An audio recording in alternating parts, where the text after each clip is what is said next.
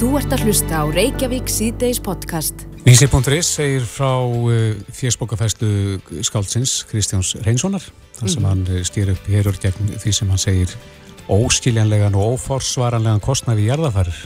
Akkurat, ég held að, að já, flest okkar sem að höfum já, þurft að jarða mm -hmm. einhvern nákomin okkur vitum það að þetta er ekki ókjöpis en eh, Kristján segir þarna í viðtali að, að já, einhver hafi sendt honum skilabóð og sagt að jarðaföri í fjölskyldu hans hafi kostað rúmlega fjórar miljónir mm -hmm. þetta er greiðilega mikill kostnaður en eh, eins og uh, við sagðum hérna áðan að þá voru ansi fjörleg umræða sem fór fram þarna á Facebook síðu Kristjáns já. en við erum komið í samband við hann Kristján sem er stattur í Milano og Ítalju kom til sæl Já, komið sæl. Jú, jú, hér er ég og get ekki annar. Nei, en uh, þú hefur fengið viðbröð við þessari fæsluðinni og, og ákvaða lund?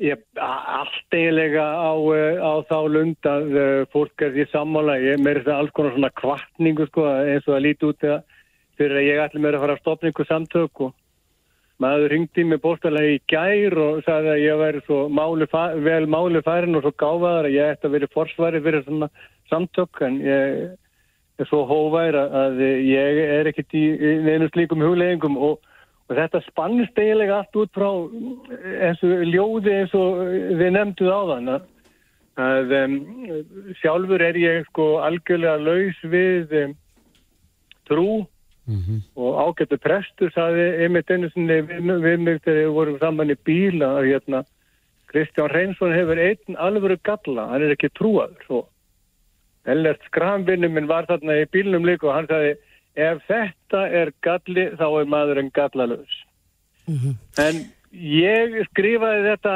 þessi fyrirmæli mínu þessi, út frá því sko að e, sjálfur hef ég engan áhuga á því að fara í svona kirkjulega aðtöfn og, og, og hvort sem að lifandi eða, eða döður og, mm. og um, það var um kveikjan að þessu og síðan sko spunnust svo miklar umræður og svo margir sem ringdu og margir sem sendu mér enga skilabóð og margir sem að eh, sem sagt vildu að ég held áfram að vekja máls á þessu að, að ég gæti eiginlega ekki á mig setið og, og aldrei öllítið áfram. En Þannig að allt er þetta nú með því að 99% er á þá lunda að, að fólk er sammála með og, og skilur ekkert í þessu og eldra fólk margt segir að, að það líti bara þannig út eins og sé bóstalega verið að hlundfara fólk þegar einhver nákominn deyr. Mm -hmm. Kristján, getur þú farið hans með ljóðið þannig að við svona stiljum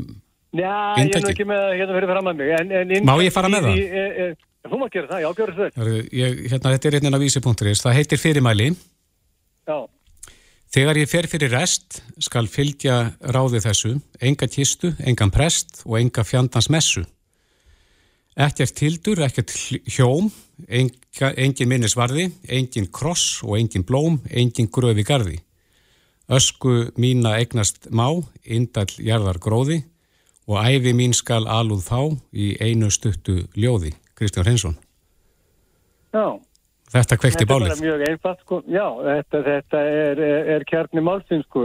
Sjálfur eh, hef ég unni tölvert við að planta trjám um, um Ísland og nota kjötmjöl til næst eh, mörgum tilvikum og, og eh, hefði átt á ósk mjög fróma að fá að breytast í kjötmjöl og verða að, að, að ábyrði fyrir plöntur fyrir eitthvað heldur en að lenda í ösku og, og Og svo er líka eitt að, að í öllum duftkerum sem að hinga til hafa uh, verið sett upp á aðrinhillu er meiriparturinn af öskunni er bara uh, askan af kistunni því að mm -hmm.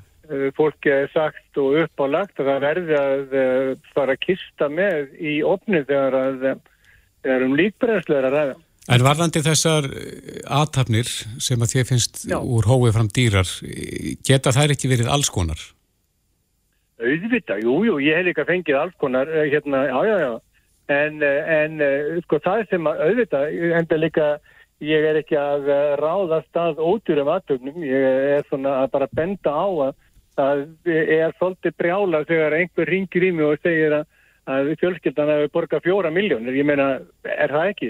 Mm -hmm. En var það, var það eitthvað greint nána, sko, sundu líðað? Nei, nei, ég, ég, nei, nei, það, ja, það var eitthvað ábyggilega tölvert í, í, í uh, mat og drikk og annars lit, ég veit ekki nánar um það, ég, þetta var bara það sem mér var sagt og ábyggilega sagt og rétt, ég, ég ætla ekki að reyngja einn en einn.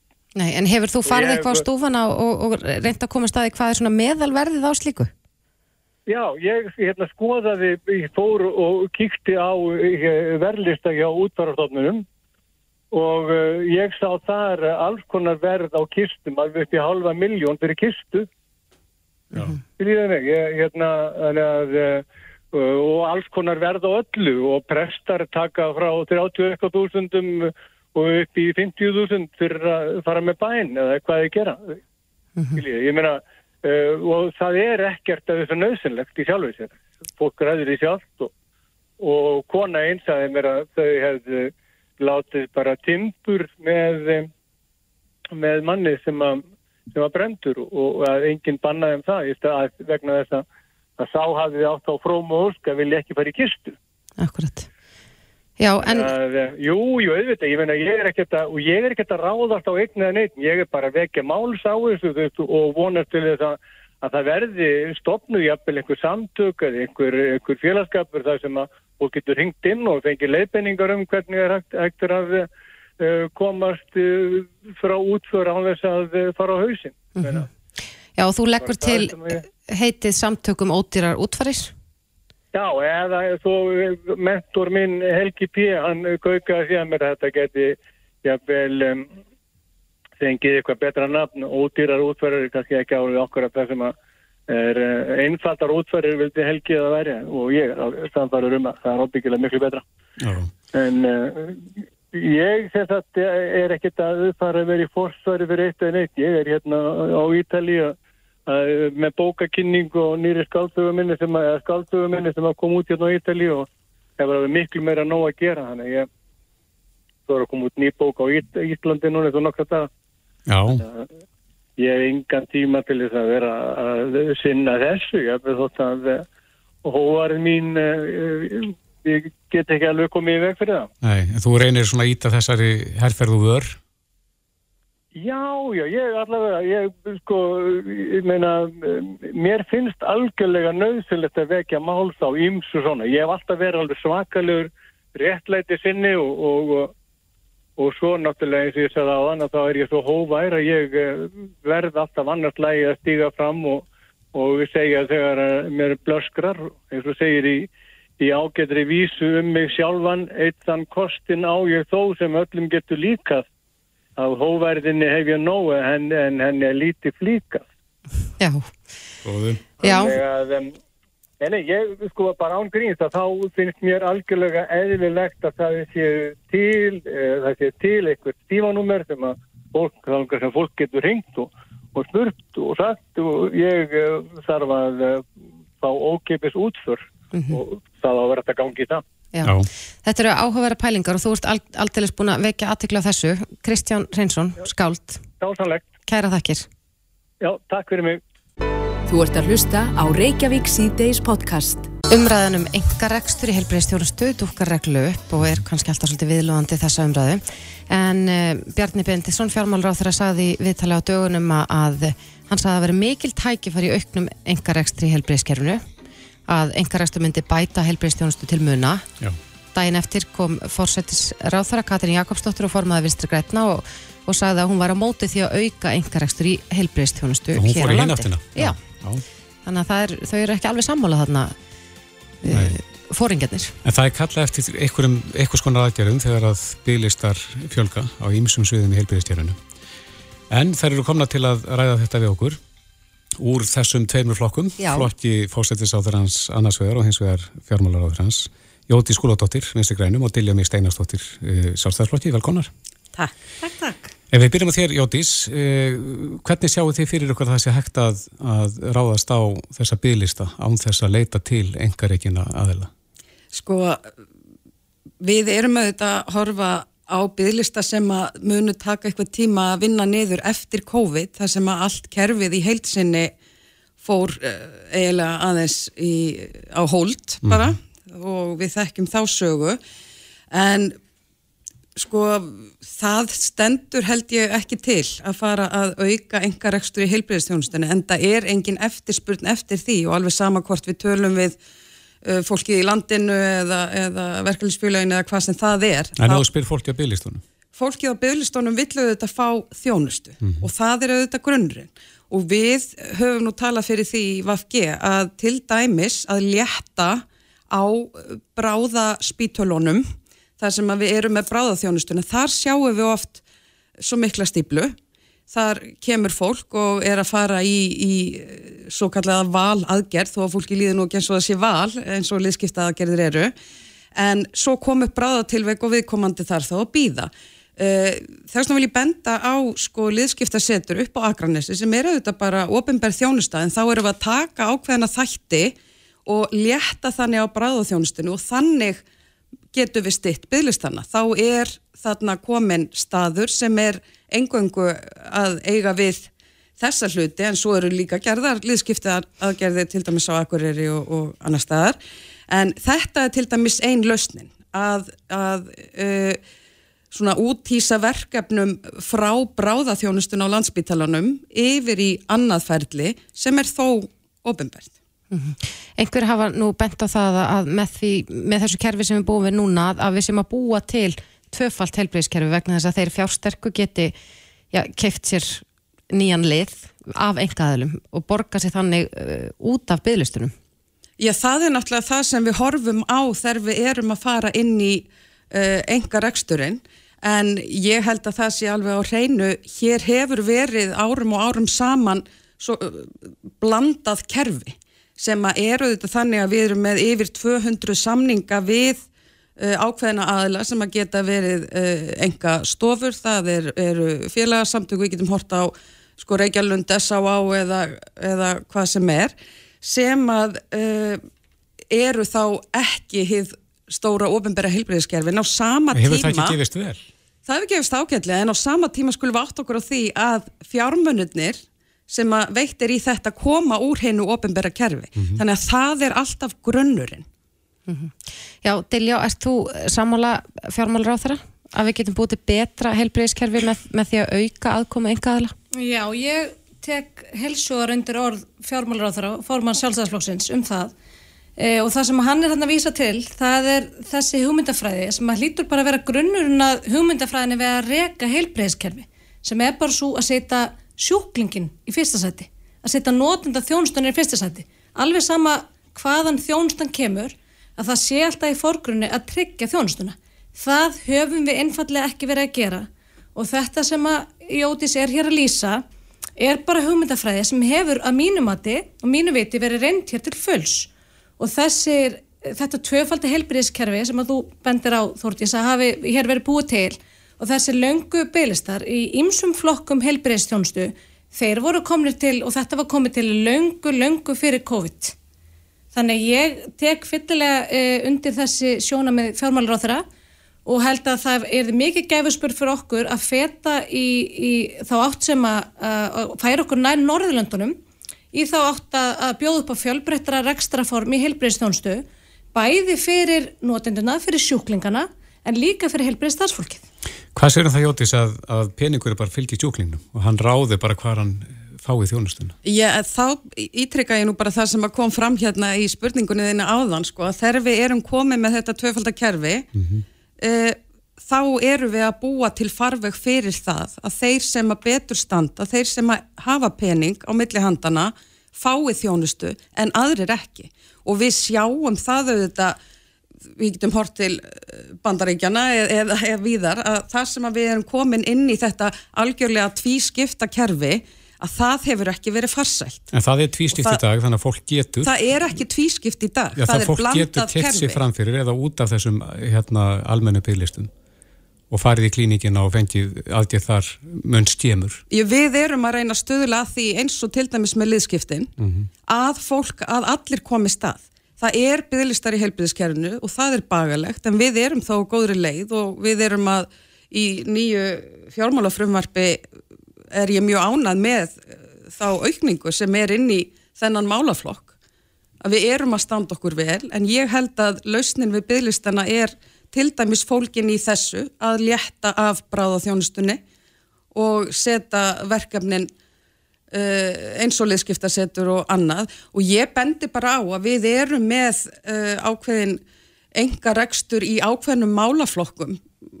Til dæmis er varðar uh, fíknivandan það eru bygglistar þar og ég myndi við vilja að þar geti fólk keft sér fram fyrir rauð, ég held ekki. Ég held að við viljum í rauninni öll horfa með jöfnuði á heilbyrðist þjónust En viltu það banna yngalum í dag að, að framkama slíka rætjörður? Ég vil ekki banna það sem er í dag. Eins og ég sagði hérna á þann að þá höfum við árum saman verið með þetta kerfi og erum með samninga yfir, yfir 200 uh, aðila um að sinna ákveðni þjónustu en eftirlitið, uh, kjarnin uh, fjármagnið. Þetta kemur allt úr hinnu ofinbera heilbríðaskerfi og ég held að við viljum halda því þannig og bara ef ég vísa nú í stjórnarsáttmála þá er ekki þar rætt um að fara í frekari engaregstur sko. Mm -hmm. En Dilja, hvernig sko, sjáu þið sjálfstæðsmenn þetta fyrir ykkur? Nú erum við með þetta blandaða kerfi. Hver var í drauma staðan að ykkar mati? Ég er bara algjörlega ósámála jóti sér varandi það að við séum á góðri leið. Ég bara hérna mín eigin reynsla og þeirra sem eru kringum mig og þeirra fjölmörgur sem að leita til mín e, frásagnir fjölmjölum þau gefa ekki góða raun af stöðunni í, í helbriðiskernu í dag. Og ég er e, ég bara er e, veit það og eins og þið bendið á sjálfa að hér er tvöfald helbriðiskerfi, hér er kerfið þar sem að fólk getur keift sig framfyrir í raunina en ekki bara að því leitum til því að kerfið virkar líka þannig að það er ekki bara einstaklingar sem er að kaupa sér þjónustu engaðilega framfyrir. Það er líka ríkið, því að hvað er ríkið að gera? Ríkið er að senda Íslendinga til útlanda í aðgerðir hjá engaðarum í staðis að kaupa þér hérna innlendis e, af engaðarum hérlendis. Þannig að þetta eru auðvitað, hérna, það lítur hver maður sjá og þetta er virkilega óheilbritt ástand og ég, get, ég held að það sé, sé kannski einhver miskilningu sem ríkjum það að hver er að fjármagna kerfið að það sé einhver hérna, að það rík einhver uh, að við séum ekki sammála um það. Við jótið sérum alveg sammála um það hefði ofinbæra á að fjár, eiga fjármagna helbriðskerfið við erum þá bara ósammála um það að það skiptir máli hver veitir þjónustun að mínu viti er það svo að það skiptir mestu máli að þjónustan sé veitt að hún sé góð og það sé mjög gott eftirlit með því að hún sé góð. Þannig setjum við sjúklingin í fyrsta sæti ekki með því að vera að rýfast um það og vera endalusum hártónum um það hvort að hérna, skurðargerði séu gerðar á engastofu á Íslandi eða Svíþjóð heldur bara það að fólk fái góða heilbæðistjónstu innan líka e, ásættilega spiðtíma því að það er síðan annar vandamál. Að við erum hérna með e, höfum samþýtt viðmið hjá landlækni um ásættilega byggð eftir heilbæðistjónstu Þau viðmið hafa verið búin til með hliðsjóna þeim löndun sem við berum okkur gjartan saman við, Norðurlöndin, og erum við að fylgja þessum viðmiðum eftir? Nei, ekki í einu einasta tilliti. Þannig að við erum hérna með kerfi e, sem að ég til að sé ekki góður leið, ég til að lausnin e, á þeim vanda felist við því að leitast eftir því að, að leita til fjölbreyttara rekstrafóns að við setjum bara sjúklingin í fyrsta sæti og hættum að rífast um það hver það er sem veitir þjónustuna bara að, að svo lengi sem hún er veikt að hún sé góð og það sé ríkt eftirlit með því. Getur ekki tekið undir þetta gottis? Að... Nei, ég get ekki alveg tekið undir þetta og það er eitt punktur sem ég langar líka að koma framfæri og það er það að þeir sjúklingar sem að fara, hvort sem er erlendis eða til engaðalega á Íslandi og eitthvað bjáta svo á. Í eftirfyllt eitthvað gerist þannig að sjúklingurinn þarf einhverja eh, meiri þjónustu þá fer hann loðbeint inn í ofinbæra kerfið. Þannig að sko ábyrðin er alltaf þar, þar á grunnurinn að vera og það eigum við að styrkja. Ég held að við séum ekki á réttri leið með því að fara að auka engareksturinn. Ég held að það íti undir mismunun í landinu. Ég hvernig bara, þá? Hvernig þá? Alveg sem þú hefur sagt uh, að þeir ríku geti keift sér þjónustu. Þeir geta það í dag?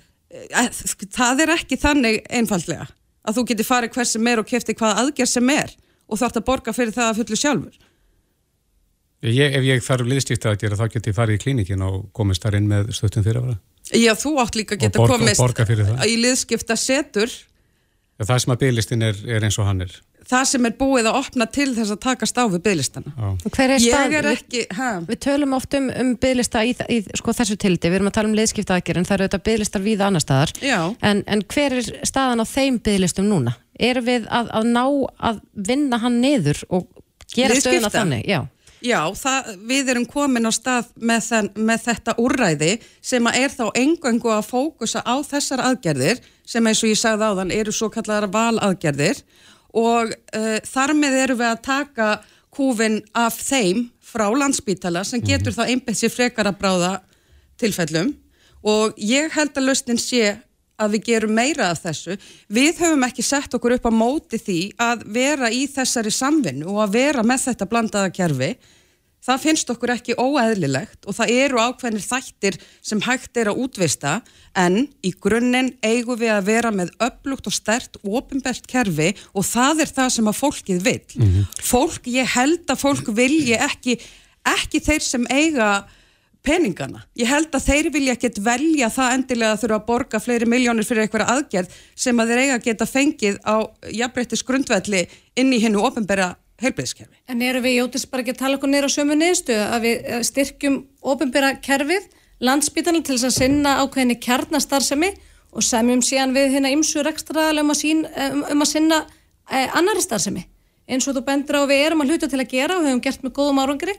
Uh, Jótis hefur hérna nefnt dæmi um, um velrekni heilbreyðstjónustu, það er að taka fjölmörgu önnur eins og til dæmis heilsugjastlunar og sjúkarþjálfara, sálfræðinga, hjúkurnaheimili og ég held að, að við vitum það að, að þessi rekstur hefur gefið góða raun. E, viðhorf og þjónustu kannan til notenda bendi til þess að, að notundur engarekkinar þjónustu séu e, jafnvel ánæðari heldur nóbibæra þjónustu. Þannig ég held að við jótið séum að minnst ekki ósamálum það að það sé mikilvægt að, að til dæmis landsbyttilin geti einbitt sér að stærri verkefnum og flóknari verkefnum e, rannsóknum og, og, og kennslu og, og öðru og við útvistum og samjum við fleiri aðila um önnu verkefni. Já, nú hefur heilbyrðis á þeirra sagt og meðlans í viðtalið okkur að það standi til að semja við enga aðila til þess að taka kúin af þessum eh, aðgerðum eins og liðstifta aðgerðum, klínikina. Eh, Ætli þið að setja ykkur upp á móti því? Ég í þessu ríkistjórna samstæði? ætla nú ekki að svara fyrir það hér. Ég get bara staðfest það að við erum auðvitað, þessi þrýr flokkar eru að vinna eftir stjórnarsáttmála það segir hvergi í honum að hér er að fara að auka engarakstur þannig að ég ger ekki ráð fyrir því að það sé á dasgrá en uh, að því að Diljá nefnir sálfræðinga þá veit ég ekki betur en að það sé gríðarleg byggð eftir að komast til sálfræðings. Það er rándýrt að komast til sálfræðinga það sem að hið ofinbera kerfi gerir og var gert á síðasta kjörtífumbili var að ebla sálfræði þjónustu inn í heilsugjæslunum þannig að sko mér finnst alltaf farsæla lausnin hún fer alltaf þangað. Við björguðum engum bygglistamálum þeim megin. Þannig að annars verður að tala um fjármögnun og hins vegar ekstraformi. Ég er að nefna dæmi um enga rekna helbriðstjónustur sem hefur gefist vel og nótundum til hagspóta af því að það er mikilvægt eins og þú segir sjálfa við séum með blandakerfi og við séum ekki með óþorfa fordum á krettur sem standið í vegi að við byggjum upp helbriðskerfið sem að byggja bara því hérna, að við séum einhverja fórnum að gagvar þeim aðalum sem að veita, veita þjónustuna í stað þess að við séum bara einbytt okkur á því og einblýna á það að þjónustan sé veitt. Mm, ég, mér langar að fá að segja uh, líka sko að mér finnst við tala uh, ótrúlega niður til heilbriðiskerfinsins okkar sem er ótrúlega gott.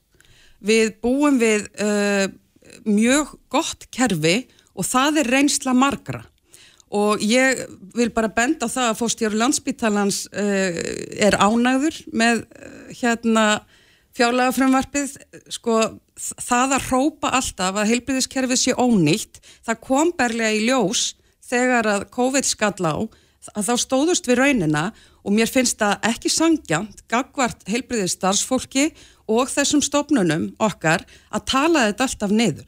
Það eru bygglistar, það eru bygglistar uh, eins og ég segi, bæði eftir uh, bráðaaðgerðum en líka þessum valaðgerðum, það er verið að takast á við hennan vanda með fjölbreyttum lausnum, það þarf að uh, semja við þessa aðila sem að við höfum verið með samlinga við og halda því áfram, en það bara stendur einfallega ekki til að fara út í frekari engaveðingu helbriðskjafn. Nei, við, við fengum nú sögu senda til okkar í gær og, og ég bara má til með að deilin með ykkur vegna þess að, að kannski í grunninn er heilbríðskerfið gott og við erum ána með það sem við höfum nú þegar gert en, en að hafið samband við okkur maður sem á ungt barn og sem þarf að býði eitt og hálft ár eftir myndatöku. Maður hlýtur að sjá að það er ekki ásættanlega byggtími eftir myndatöku fyrir ungt barn sem er í, í greiningarferðli Nei, ég held ekki alveg tekið undir það en við eigum líka fullt af sögum þar sem að fólk hefur fengið gríðarlega góða og, og fljóta þjónustu fyrir börn, fyrir uh, sína aðstandendur og hvernig sem það er. En við heyrum minna þeim sögum og auðvitað er það óasættanlegt að barn býði eitt og halvt ár hvort sem það er eftir myndatöku, sálfræði þjónustu, uh, transteimi eða hvað annað það er.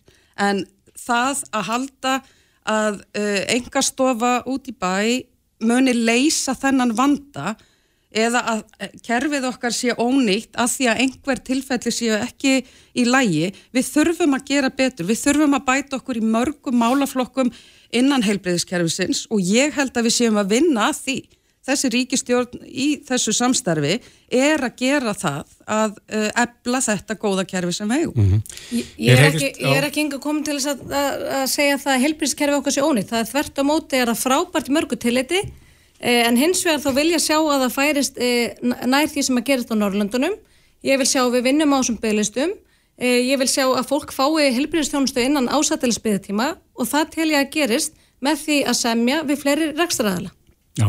væri hægt að gera það tímabundi til þess að, játtís, bara til þess að já, taka kúfin af Ég held bara að það stend ekki til að gera það og við bara höldum áfram að vinna með þetta blandaða kerfi sem er að gefast ágætlega og ég held að uh, ef við förum þá leið sem að og er að lýsa hérna þá eru við ekki að fara að verða sambarilar í Norðurlöndunum, við erum að færa okkur nær uh, einhverju amerísku módeli sem ég held að yngu okkar hugnist. Það er bara ránt það er bara allránt með því að, að hérna, auka uh, samninga við önnur ekstraform þá erum við að færa okkur nær Norrlundunum. Það er svo leiðis og ég hef ekki talað fyrir neinu öðru heldur um blönduð helbyrðiskerfi og það líkir algjör sátt um það. Hins vegar er þessi máluflokkur hvorki hjá Vafki eða hjá sjálfstafloknum. Ég bind miklar vonu við það að nýr helbyrðisáð þeirra vindi ofan af þessum óskapnaði sem að að mikið af þessum byglistum eru, eru orðnir. Ég hef meðalans tekið til umfjöllunar uh, sjúkdómin endometriósu þar sem að uh, staðan er svo að konur eru sárþjóðar árum saman að kaupa sér þjónustu og engaðala fullu verði af því að þar komast ekki aðgerð hjá hennu ofinbæra. Já, verðum að setja punktin hér, Jótís skóladóttir, Vinstur Grænum og Dilja Mist Einarsdóttir, Sjálfstæðarsflokkin. Kæra þætti fyrir komina. Takk fyrir. Þetta er Reykjavík C-Days podcast margir hafa bent á það að já, það væri hægt að auka tekjur ríkisins til muna ef að veiðigjöld eru hækkuð mm -hmm. og uh, nú erum við að sjá fram á hækkanir á, á hennum ymsu sköttum við erum búin að tala um ramagsbílana, áfengisgjöldun og fleira sem að snertir nú heimilin beint en, en þá er einhverju sem að spyrja hvað með útgerðinar? Já, það var hávar umræðum uh, svona hlut sjáurútegsins í, í samnæslunni á sínu tíma og kemur alltaf upp því sérstaklega þegar maður selja sjáurútegsfyrirtæki og annað slíkt. Mm -hmm. En eh, Heirún Lind Martinsdóttir, frangværtastjóri SFS, er komin til okkar, velkomin. Takk, takk. Já, hvað segir um það? Hvers vegna, hvað mælir gegn því að fyrirtæki borgi meira til samnæslunar heldur en gerir í dag?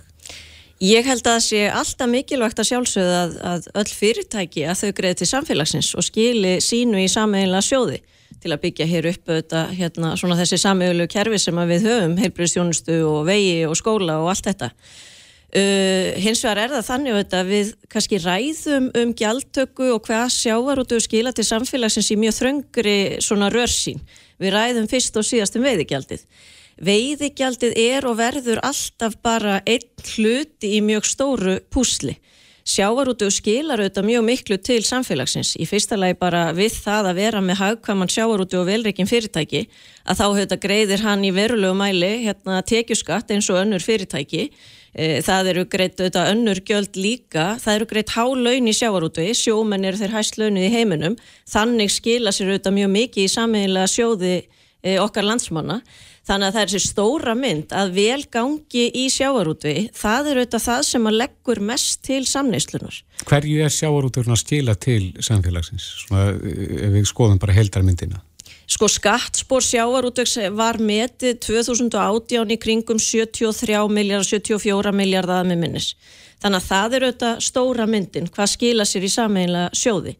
E, verkefnið er hins vegar og mér finnst alveg eðlilegt að svona umræða koma upp og við höfum bara ræða það þá frá einum tíma til annars. Er sjávarútuður að greiða nægilega mikið til samfélagsins? Og við getum haft mjög ólíka skoðanir á því hvað skilar mestu til samfélagsins. E, við erum þeirra skoðunar og ég vona nú að hagfræðingar og aðri stiði okkur því. Hvað er það sem að tryggir hér best lífskjör í landinu? Hvað er það sem tryggir heilbriðan hagvöxt? Að við getum búið hér við lífskilirði það hlýtur að vera það að við sjöum upplugar útflutningsatvinnugreinar að vel gangi í þeim atvinnugreinu sem eru að keppa þarna úti á, á elendri samkeppni og skila gældir í hingað heim. Uh, þannig að það er auðvitað það sem að, hérna, þar eru við bara saman í liði að þetta gangi vel. Þannig að með þessari verðmæta sköpun sem að verður, að þá auðvitað kemur mest til samfélagsins. Og ef við bara hérna, setjum aftur fókusin á veiðigjaldið, að því að þetta er daldi lýsandi, það er töl, tölvert sveiflukent á milli ára. Og hvers vegna er það, ég minna á þessu ári sem að núna er að líða, þá er það áallega kringum 6,3 miljardar á næsta ári sem að þetta fjárlega frum var bara að kynna 2023, þá er veiðgjaldi áallega 8,3 miljardar það hækkar um 2 miljardar á milli ára. Og hvers vegna gerir það það? Það var ekki vegna þess að pólitíkin ákvaða það þetta hækka eða, eða pólitíkin ákveður á einu ári að það er að lækka eins og stundum umræðan er á millri stjórn og stjórnar anstöðu sem er alltaf doldið fyrðulegt. Ég meina, lögin eru óbreykt en þetta tekur mið af afkomi í sjávarútvi og það hefur bara gengið betur í sjávarútvi og þá skila sér meira til samfélagsins. Þannig að þetta er það sem ég er að segja, þegar að vel gengur þá skilar það sér svo sannlega til samfélagsins í sammeila sjóði, í góðu laun, í fjárfestingar og annað þess áttar sem á endanum er það sem öllum máli skiptir. En spurningin er líka, mætti hlutalli vera öðruvísi? Mætti meira af kökunni skila sér til þjóðurinnar? Á því getur fólk vafalust haft mjög ólíkar skoðanir. Eh, núna er það þannig að 33% af afkomu fiskveiða fer í veiðigjald. Þannig að þriðjungur er það sem ríki tekur af afkomunni í fiskveiðum. Ætti það að vera meiri eða minna? Það, við verðum bara að ræða það en þá þarf maður að ræða það út frá þeirri fórsendu hvað er það sem treystir best samkeppnisæfni sjávarútvegs. Því að ef við tryggjum ekki samkeppnisæfni nú þá verður sjávarútvegu korki fugglin fiskur. Þannig að hérna, við erum í samkeppni við erlendan sjávarútveg, ríkistyrtan sjávarútveg, þannig að við megum að sjálfsög ekki skatleika greinina um og of. Í öðru lagi þá verður auðvitað að skilja eitthvað að hagnaðinum eftir inn í fyrirtækjunum til þess að þau geti fjárfest. Hvers vegna fjárfesturu? Jú, til þess að tryggja verðmættasköpundi framtíðar. Að við náum að hlaupa hraðar í samkeppni, að við séum með nýjustu skipin, bestu tæknina, örugasta búnaðin og svo framvegs. Þannig að þetta er fjármagsfreg atvinnugrein og það þarf að skilja eitthvað eftir af hagnaði til þess að hún geti haldið, haldið áfram að þróast. Mm -hmm. Þannig að það er bara þetta, er þriðjungur of mikið að lítið. Það er vel í lagt ef maður skoðar þetta í alþjóðlegu samhengi. Hvernig er þetta samborðið við, við önnurlönd í kringum okkur sem við berum okkur sama við, fiskviði þjóðir? Já, eiginlega öll lönd OECD, öll lönd, ekki eiginlega, það eru bara öll lönd þau hljóta meira í styrki frá ríkinu heldur en þau leggja til í sammeila sjóði. Eh, Ísland er eina landið í heiminum sem er netto að skila til samfélagsins. Eh, veiðigjöld hér á landi, það er óþægt í Nóri, færingar hafa reynt þetta í uppsjáarstofnum bara, þeir eru ekki með það í botfist, toski og öðru, þeir hafa ekki náða að gera, já, upplugan sjávarútu úr sínum svona botfisk hérna, veiðum, þeir hafa reyndið þetta í, í hérna, uppsjáaveiðum og þar hafa uppbót til dæmis verið reynd og annað þess áttar þannig að einhver gjaldtaka hefur verið þar en við erum háskattarland í öllum samanbörði og það er engin þjóð sem að stendur okkur framar í því við getum alveg verið stolt að því og sjávarúturinn sem segir vill borga til samneislunar klárlega og við viljum borga fyrir aðganga þessar öðlind, það er eðlilegt og það er eðlilegt að allir sem að vinna við það að nýta öðlindi landsins, ekki bara sjáarútugur, heldur líka aðrar atvinnugreinar, að þær greiði í sammeila sjóði fyrir þessa notkun. Hvað finnst þér um umræðina? Það, það maður heyrir á fólki að, að fólk er ekki sátti það þegar koma fréttir af því að eins og við heyrðum bara hérna áðan í símatíma það er talað um eitthvað fjölskyldur síðan hagna, hagnast á þessu og makakrókin Sko ég Eitthvað er erfa á fjölskyldu sem að, sem að sko, eru með miljarda umleikis. Okkur hættir til að tala um kannski tvö stærstu fyrirtækin. E, það vill hins vegar svo til að sjávarútugur er mjög dreifið atvinnugrein. Ég menna það er í kringum 1000 aðilar til dæmis sem greiða veiðigjald sem að sækja þá fisk úr sjó. E, samþjöppun er líka oft rætt um að þetta séu bara orðnir og fáir og stórir, fáar stórar fjölskyldur sem að hérna, eiga í sjávarútvegi og þá menn engar tölur sína fram á það að samkeppni í sjávarútvegi sé eitthvað meiri heldur en í öðrum atvinnugreinum nema síður sé ef við tökum þrjú stærstu fyrirtæki í sjávarútvegi þá eiga þau kannski um 23% af aflaheimildum. Ef við tökum þrjú stærstu fyrirtæki á bensínmarkaði, maturumarkaði, tryggingamarkaði, bankafyrirmarkaði, þá eru það fyrirtæki sem eru með hlutdelt kannski 60 upp í 100%. Finnst þér umræðan um sjávarútvegin á villikutum? Hún er Svona, mjög... Þá er tala um almenna umræði bara meðal almennings. Hún er mjög oft byggð á raungum upplýsingum og kannski vöndun á upplýsingum og þar getur sjávarútugur alveg litið sér nær og þá ég sem fer fyrir þeim samtökum sem að talar fyrir sjávarútveg að segja að við verðum að miðla meiru af því sem að er að gerast í, í sjávarútveg.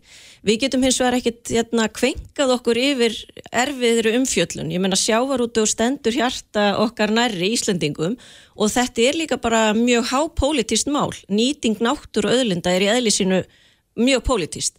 Þannig að það verður alltaf tekist á um þetta kerfi á vettungi stjórnmálana og fyrir það líður sjávarútugu líka. Að þetta sé þetta politíska þrætu, þrætuöfli. Þetta er ekki eins og að reyka apotek eða eitthvað þess áttar. Það er ekki hápolitíst mál.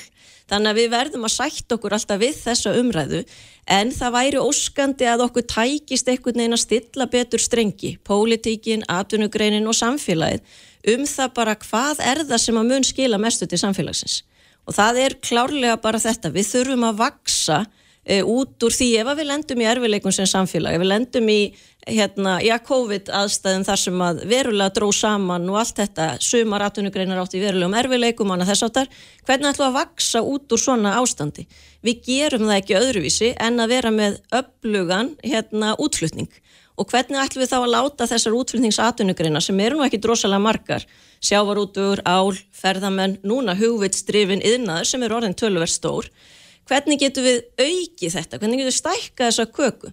Og ef okkur teksta stækkana, nú þá skila sér meira til samfélagsins. Mm -hmm. en, en sko, já, breytingar á fiskveði lögjöfunni eru alltaf til umræðu á þingi og, og núna fyrir skömmu, síðar, skömmu síðan að þá var þetta til umræðu á flokksræði vinstri grætna og, og Svandi Svagastóttir er nú ráð þeirra málflokksins. Um, er óttist í það að það verði gerðar miklar breytingar, að það verði já, stokkað upp kerfinu þannig að það komi illa út fyrir sjávarútvegin? Sko umræða um verulegar breytingar og uppstokkun, hún ein og sér getur verið skadaleg vegna þess að það skapar óvissu og hvað gerist í óvissu ástandi í rekstri? Jú, þú heldur að það er höndum, þú fjárfestir ekki, þú jafnvel selur þú út úr greininni vegna þess að þú veist ekki hvað er í vændum, þannig að svona óvissu ástand er óheppilegt til lengri tíma það þarf fyrir sjámanleika og í atvinnugrein sem þarf mikið fjármagn sem er áhættu söm þá verður að hafa þennan fyrir sjámanleika fyrir fram að þeir eru verðt að taka ákvarnir en svona umræða um hækkun gjalda og annað þess áttar það er bara auðvitað pólitísk skoðun einstakra flokka og ég bara virði hana. Fólk er með ólík markmið. En hvað okkur varðar að þá hérna, eru við þeirra skoðunar að hvernig ymmit náu við að hámarka þessi verðmæti fyrir eigandauðlindarinnar þjóðina og við gerum það best með verðmætasköpun með því að auðvitað tryggja sjálfbæra nýtingu fiskistofna og með auðvitað hagkvæmum rekstri fyrirtækja. Það er í grunnum bara þetta tvent sem að eigur og tryggir verðmætasköpun. E, gjaldtaka, e, strandveiðar, svona, þessi svona samfélagslegu verkefni, þau geta vel verið og ég ger ekki lítið úr því að þau geta stuðlað að svona einhverju aukinni samfélagslegri sátt en við verðum að vita hvað þá svona aðgerðir kosta vegna þess að þær draga úr verðmætasköpun. Þannig að aukin gjaldtaka, hún kannski skila sér meira í veiðigjaldinu sem slíku, en hún mun draga úr fjármunum sem mun og endanum enda hjá samfélaginu annar staðar. Það mun koma nýra á launum sjómana, það verður minni fjárfesting, þannig að það dregur úr verðmætasköpun á öðrum stöðum ef við ætlum að hækka gjaldtökuna úr hófi. Það er akkur það. Heirun Lind Martinsdóttir, eh, frangáðastjóri samt uh, samtaka fyrirtækja í sjávar útvi. Kæra þakki fyrir koma. Jú, takk, takk. Þetta er Reykjavík C-Days podcast. Það er ekki ekki langt síðan að spölur afhendi ríkinu kvalferðagöngin til egnar. Akkurat. Og uh, voru þá hægt eh, gjaldtöku í, í göngin en, en eh, nú hafa þessi mál breyst. Það hefur verið bóðað að, að gjald verið tekið, er það ekki öllum göngum á landinu til að standa ströym af gangnagerð annar staðar og í framtíðinni? Jú, hann Sigur Ringi Jóhansson innveðar á þeirra, eh, saði frá því í júli að það verði mm, blásið til gjaldtöku að nýju mm -hmm. sko ekki bara í kvalfæragöngum eins og segir heldur öllum göngum á næsta eða þar næsta ári. Já, það stendur til ef, ef við stiljum álir rétt að tvöfalda kvalfæragöngin til að annað meiri umferð. En íbúar á Akranissi líta þetta sem svik og svikinn lovorð þar sem að uh, þeir skagamenn hafa nú staði ströym af, af kostnaði við gerðgangana sínum tíma. Já og, og ég benda á það að, að þarna sé verið að sko vega að jafnbraði íbúð mm -hmm. þannig að við erum komin í samband við mann sem veit allt um þetta mál. Það er hann Valgarður Jónsson fórseti bæjarstjórnar á Akranesi. Kom til sæl Komið sæl Er hitti í skagamönnum út af þessu? Já, ég held að sé alveg ótt að segja það að þessi hitti í skagamönnum þetta hérna áður en að við heldum þennan bæjarstjórnafundi í gær og, og, og samþýttum álugtun og þá var þessi umræða alveg komin vel í, gangirna í samfélaginu og, og skagamenn byrjaði að skrifa greinar og benda á í rauninni óréttlætið sem að væri fólki í því ef að, ef að hérna væri tekin aftur upp veðgjöld í kvalfjörugöngum mm -hmm. Þó að það standi til að, að taka gjöld í öllum göngum? Já sko, það gildir bara allt annað um kvalfjörðgöngin heldur en öll önnur göng. Það er bara þannig að kvalfjörðgöngin eru eina samgöngumannverkið á Íslandi sem er nú þegar búið að greiða upp einmitt með veðgjöldum. Við greittum veðgjöld í þessu göngi 20 ár til þess að greiða upp kostnæðin við, hérna, við, við, við gerðir það, við byggingu þeirra. Mm -hmm. Þannig að það bara, það er bara eh, ekkert sama málið að tala um kvalferðargöng og, og önnur göng á landinu. Á þessum 20 árum og meðan við vorum og, og við að þá er það náttúrulega ekki bara skagamenn, það er bara allir sem að ferðast um Vesturlandsveg. Að hérna á meðan að við vorum að, að, að greiða upp þessi göngi og greiða hérna veikjald í 20 ár að, að þá hérna stóð ríki fyrir mörgum stórum og dýrum eh, veðafrængandum vitt og breytt um landið. Má nefna tvöföldun Reykjanesvegar og, og hérna uppbyggingu vegarins östu fyrir fjall og fyrir utan náttúrulega öll hjartengin. Og það hefur aldrei hérna, neinum dotti í huga að, að, að innheimta hérna, veggjöld af neinum þessara framkvæmda. Breytir það ekkert málinu þó að það standi til að, að bóra önnur göng samhliða? Uh, jú, við, við náttúrulega hvetjum til þess að það veri gert. Uh, Kvalfjörgöng eru komin á damp, uh, varðandi bara umferðafunga og það er komin þörf á, á hérna, önnurgöng við hliðera.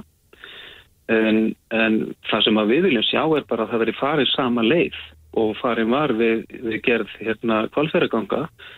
Um, þau voru fjármögnuð samkvæmt alútbóði fjármögnuð af hérna byggingar aðlanum sjálfum þannig að þess að uh, verkið kvalferðagöng var bóðið út í alútbóði þar sem að verktakinn fjármagnaði verkið á framkvæmta tíma og, og, og hafði hérna og hafði náttúrulega uh, ábyrð á, á hérna, byggingu þeirra og allir, allir tæknilegri frákvæmt mm -hmm. innheimt að vegjald að hófst ekki fyrir að mannverki var full búið og opið fyrir umferð og það er þetta líka bara algjört líki latri þetta, mér finnst þetta og okkur skagamann, við finnst þetta fullkonlega galin hugmynd að ætla að fara að innheimta gjald núna til þess að sapna fyrir næstu göngum mm -hmm. Þetta er svona sveipað eins og ef að bakarinn kemi heim til mín og myndi segja, heyrðu ég ætla að láta þið borga aftur fyrir kökuna sem þú hérna, sem þú giftir í síðustu viku En núna til þess að sapna fyrir kökur sem þú fær kannski eftir tvær vikur. Þetta er bara, þetta er alveg fráleitt hugsun, sko. En, en hvað væri ásættanlegt að ykkar mati? Ætti að, já, reynilega undan skilja kvalfæragöngin í þessum eh, fyrirætlunum um, um uh, gjaldtöku? Uh, já, vegna þess eins og ég bendi á að það gildir bara allt annað um kvalfjörgöngin heldur en öllunni göng á landinu. Hér er búið að innhemta veðgjöld og greiða göngin upp á fullu með þeim. Þannig að, að hérna, þannig að já, þau eru, það bara gildir annað um þau heldur en öllunni göng á landinu. Um, að öðru leiti að þá hérna finnst mér að, að hérna að einaríkisáður ætti að hugsa þetta eins betur bara varandi það hvernig hérna hvernig hann ætlar að, að innhemta tekjur af bílaumferð á landinu. Ég er ekki bissum það að þessi veikjölda hugmynd sé rétt af hugmyndin. Ég til dæmis skil ekki okkur hann okkur hann hérna hlustar ekki á hérna landsamband Íslands að byrja þegar sem að hafa bent á, á möguleikan að hérna taka kilometragjöld. Mm -hmm.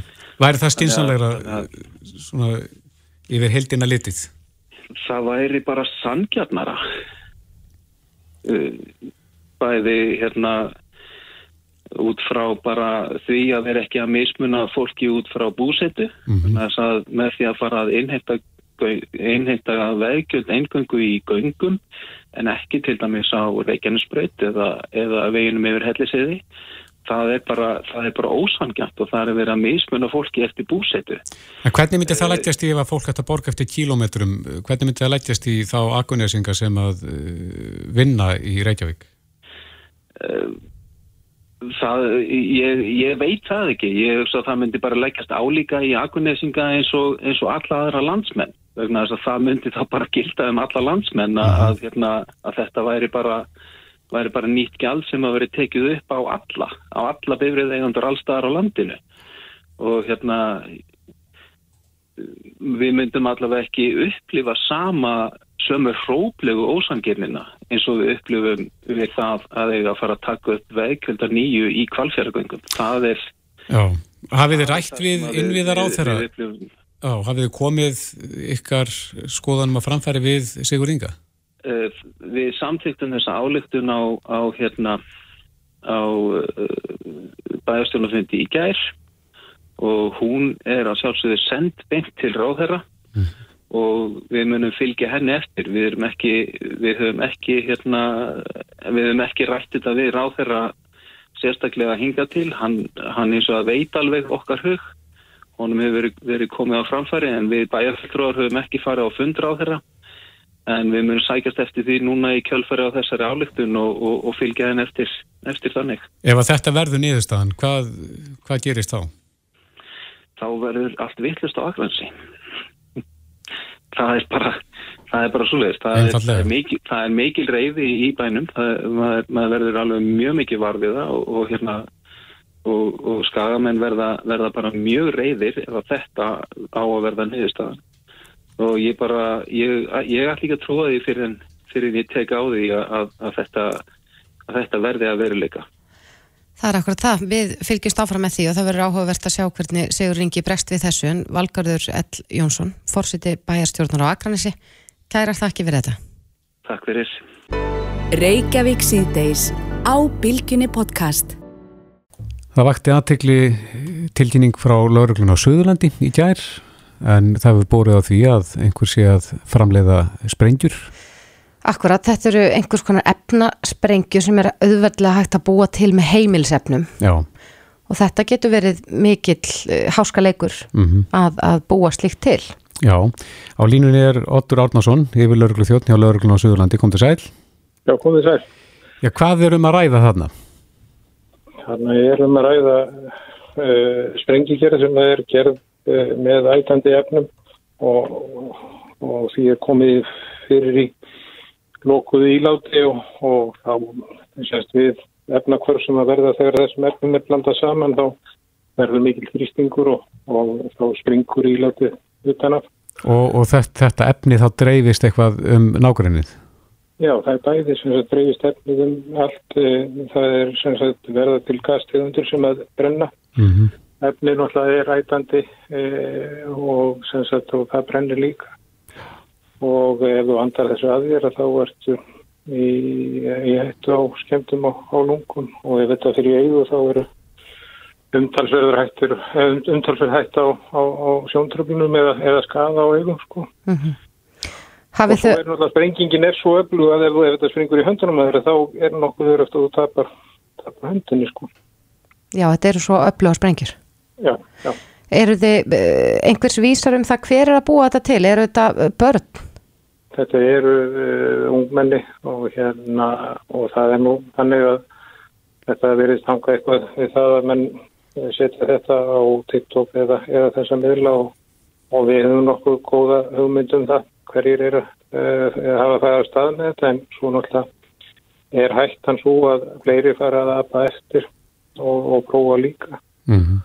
Og þessum erum við að byrja til foreldra og forróðamann að þau ræði við börni sínum um hættuna sem að þessu stafar og og eh, eins veikið til dæmis að, að vestlunarauðundur hafa haft samband við okkur og, og, og, láta okkur vita að það sé að þeir hafi eh, stöðað e, sjálf á, á varningi til barna sem að hafi e, augljóslega ekki haft nót fyrir vöruna sem var verið að kaupa mm. og, hérna, og þannig að samfélagi er svo sem að, að taka utanum þetta en, en, en við erum bara e, í einingu sem samfélag og hjálpum staðið við að að græða krakkan okkar og, og komið ekki fyrir þetta sem ég gerast. Já, er þetta bundi við Selfos? E, eh, Árnus Ísluna hérna neða verða hinga til. Ég e, hérna hef nú trúið að þetta séum til, til um allt land eða verði það fljótlega. Þetta er mm. nú fljótt að breyðast út. En þetta efni sem er notað í þessa sprengjukjöf, þetta er efni sem að er, er ætandi og, og hérna er hættulegt að fá til dæmis á húð? Já, það, það er það og, og hérna og getur, getur skada stórlega ef, ef, ef, ef mann fá þetta yfir sig. Já, og jafnvel valdi stemdum á eins og bíllakki og slíku? Já, bara þar sem það lendir. Það, það, þetta er ætandi efni og, og, og hérna það yfirbor sem að, sem að ekki þólir svo leiðis að það náttúrulega sér á því uh, skilur eftir sig uh, skemmtur. Mm -hmm. Þetta er líka kannski góð áminning fyrir fóreldra að halda öllum slíkum, já ef það er einhver hreinsefni eða eitthvað en á heimilinu sem eru ætandi og gætu verið notað í slíkt að halda því reynilega frá börnum. Geima það á stað þar sem börn á ekki til. Það er náttúrulega alltaf, alltaf, góð regla að, að, að sko heitur efni sem að eru til á öllum heimilum og þau séu ekki aðgengileg sko börnum en við erum alltaf í þessum hópi þá erum að tala um, tala um eldri, eh, eh, eldri deildina í, í því þannig að að hérna e, ég held að fræðislan sé nú e, það sem að sé e, langa öflugasta vopnið. Já, akkurat. Hafið þið náð eitthvað að ræða við þá sem að hafa verið að búa til þessar sprengjur? Hafið, þið náðið skottið á þeim? Við höfum náðið þessu þátt samtal við einhverja þeirra og hérna og það er svo er þetta líka eins og ég sagði einhverjum, þetta, þetta er ágætt þegar að fólk hefur þörfuna fyrir að senda mynd af sér á, á, á, á venniðla að í skamastryggina þá þá það er vel að okkur vinnuna við að finna við komandi. Já, en svona til að þá reynóttur, er þetta ólöglegt? E, þetta er e, sprengikerða. Já.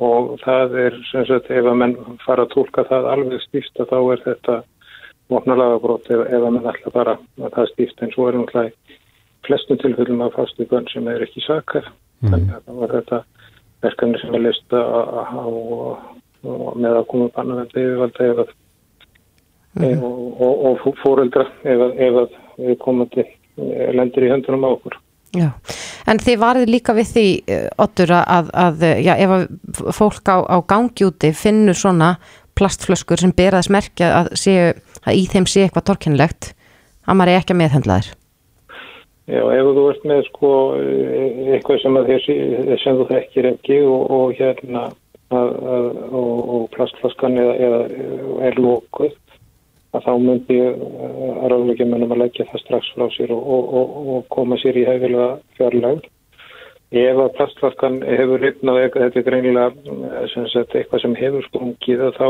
er það samt þannig að, að sko þú getur brent þig á því að handleika, handleika e, ætandi efni sem er efnisleifar.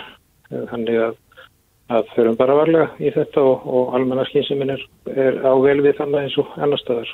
Einmitt. Óttur Árnánsson, yfir laurglu þjóttni á laurglun á uh, Suðurlandi. Kæra þakki fyrir þetta. Takk sem að leiðis. Hlustaðu hvena sem er á Reykjavík C-Days podcast. Við töluðum nú ansið oft við uh, já, uh, þá sem er í veitingarekstri hér í COVID út af samkominntakmörkunum. Það var ekki gott ljóðið. Alls ekki. Alls ekki. En nú hafa samtök fyrirtækja veiting, á veitingamarkaði sendt frá sér já, nokkuð harð orða yfirlýsingu. Já. Það sem þeir segja hennilega bara takk fyrir ekkert mm -hmm. og er að lýsa yfir gríð, gríðarlegum vombriðum með uh, fyrirhjóða hækkun áfengiskjelda. Já, einhvern veginn fannst mér þetta samt gefið. Þetta er nú yfirleitt bara stefið að áfengiskjaldið er hækkað. Akkurat. Svo bárust líka fréttir af því að, að næstkomandi lögataskvöld að þá verður haldið kveðjuparti fyrir jazzbúluna skuggabaldur við Östurvöll. Tengist það þessu máli? Ja, það er stóra spurningin. Hann er sestur hjá okkur, Jón Myrdal, annar eigenda skuggabaldurs, kom til sæl. Já, sæl, sálflössu. Er þetta, er þetta út af þessu eða út af einhverju öðru sem þið ætlið að loka skuggabaldri? Nei, þetta er nú svo sem, þið þú veist, það var nú gaman að segja að þetta væri nú út af hækkum áfengiskjöldum en Uh, ég hef verið að einbenda mér að öðrum stað sem heitir Kastrup undarvarna mánuð og hef lítið komið við sögu á skuggabaldri uh mhm. -huh. þannig að raun og veru er ég bara svona að losa minn part í skuggabaldri Já. það er svona mínu hlutverki svona... En staðnum verður lokað? Já, staðnum verður lokað það er, eh, er í pípónum bara sala á staðnum uh mhm. -huh. þannig að uh, ég veit svo sem lítið um það sjálfur, ég kem ekki nála þeirri sölu en mér skilst að það verði áfram nefndi tónlist mm. hvernig... það er alltaf sem ég veit Já, en svona þessi nýja hækkun á áfengistjöldum þetta er svona gamalt stef en hvernig rýmar þetta inn í ástandi hjá ykkur núna? Já, þetta er bara svona sko, ég ætlis ekki mann að vera í þessum bransa í 12 árið eða eitthvað mm -hmm. ég held að áfengistjöld hafa hækkað hver einustu áramót mm -hmm. þannig að þetta er ekki blöð tuska, þetta er bara þessi tuska sem við fáum alltaf við erum bara vanið því að það sé verið að hækka okkur gjöldin.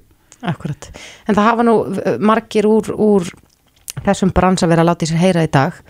Og, og það er auðvitað mikið búið að tala um, um hækkað verð á öllu og mm -hmm. margir neytendur hafa hvart að vera bjóratnir minka en verðið þelsta sama og, og nú má búast við enn frekara hækkunum. Mun fólk samt alltaf kaupa bjór? Sama hvaðan kostar. Já sko það hljótan að vera einhver svona sásökumörk einhverstaðar um, ég veit ekki með þessa hækun hvað þetta er 7,5% hækun þú veist við neyðumst þess að setja út í velæð ég menna það er alltaf hækka til okkar.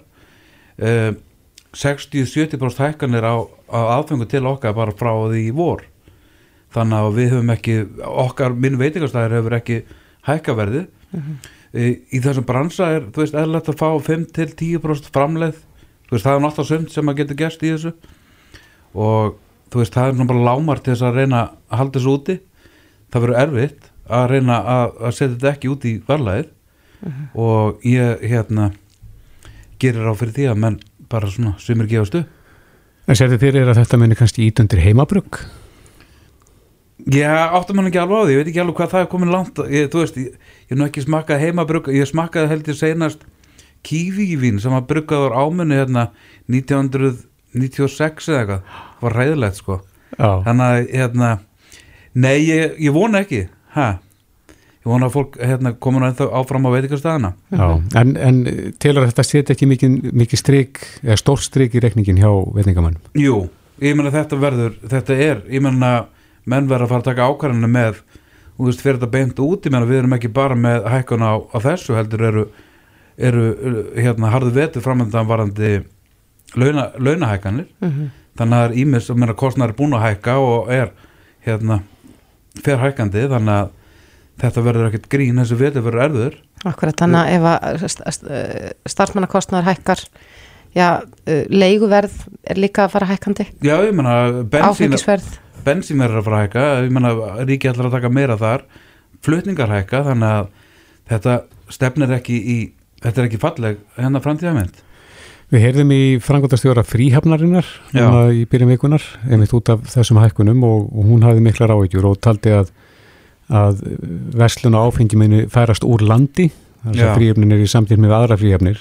Já, er ekki, sko, þú veist, varandi fríhafnina, sko, er ekki, hérna, þú veist, út okkur er ríkið samkefni þar, út okkur er þar að vera hægt að kaupa ódýrt áfengi í fríhafni, ég, ég skilða það ekki sjálfur, sko. Er fríhafnin tellið því fríhafnina síðan í ykkur? Ég myndi frekar halda það já, heldur en okkur önnur lönd, ég menn ótagrætti ríki að vera keppnu hérna önnur lönd varandi fríhafnar brennivin, ég, mér finnst það ekki megan rétt sens.